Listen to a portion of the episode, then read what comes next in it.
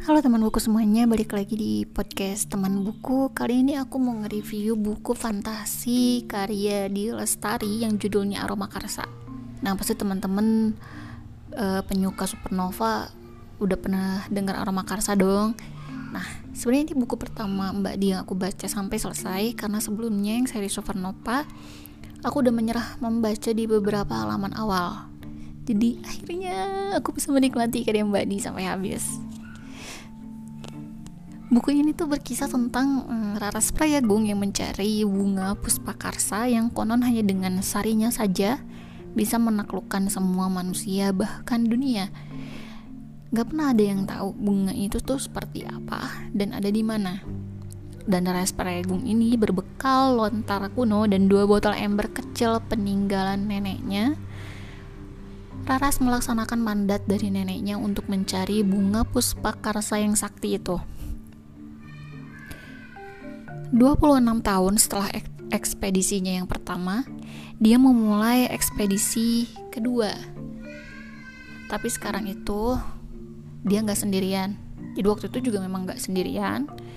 Tapi kali ini dia ditemani oleh Jati Wesi si hidung tikus dan Tanaya Suma, anak angkatnya yang usut punya usut mereka itu berasal dari alam yang satu alam dengan Puspakarsa atau dunia yang sama dengan si dunianya Puspakarsa ini.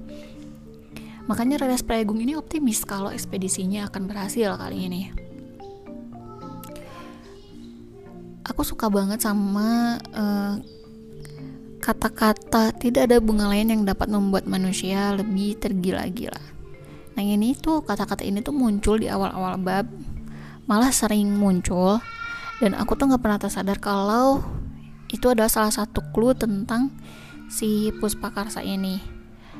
Ini buku bener-bener page turner banget. Kalau aku nggak ada kesibukan lain tuh pasti ini tuh sehari udah langsung beres. Karena yang memang seseru itu gitu.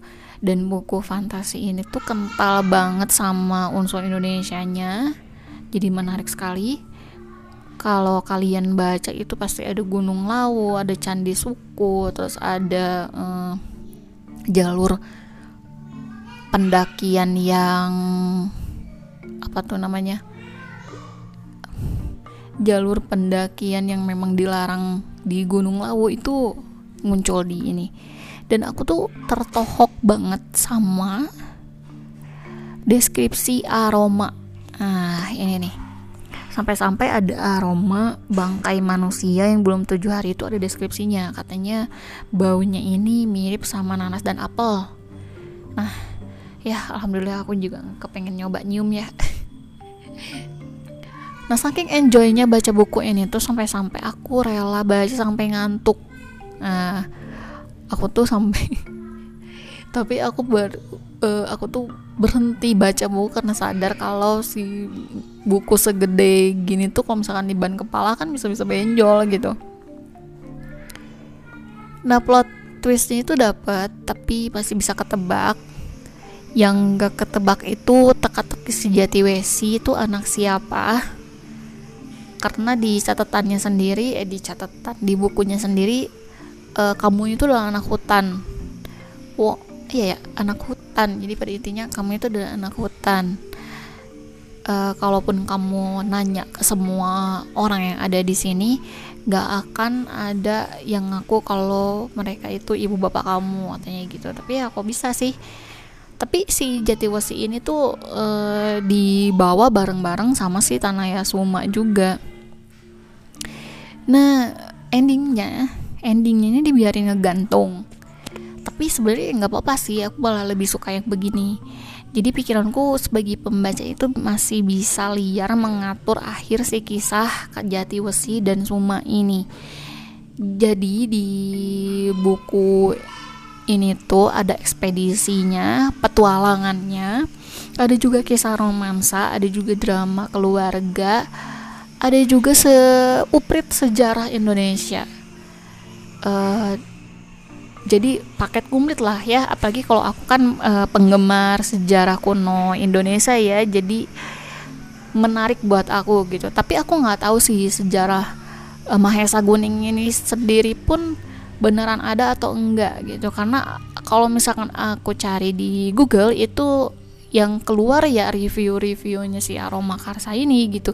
Tapi kalau misalkan mitos Gunung Lawu tentang Banaspati terus dua rapala Candi Suku. Candi Suku memang jelas ada ya. Kalau dua rapala ini atau alas kalingga ini yang uh, alas kalingga ini yang aku nggak ada nggak nemu. Tapi kalau misalkan si dua rapala ini itu bukan desa tapi dia perwujudan dua makhluk penjaga. Yang misalkan kalau kita perhatikan di candi-candi itu sering sekali di setiap pintu masuk ada dua patung yang ditaruh di kanan kirinya.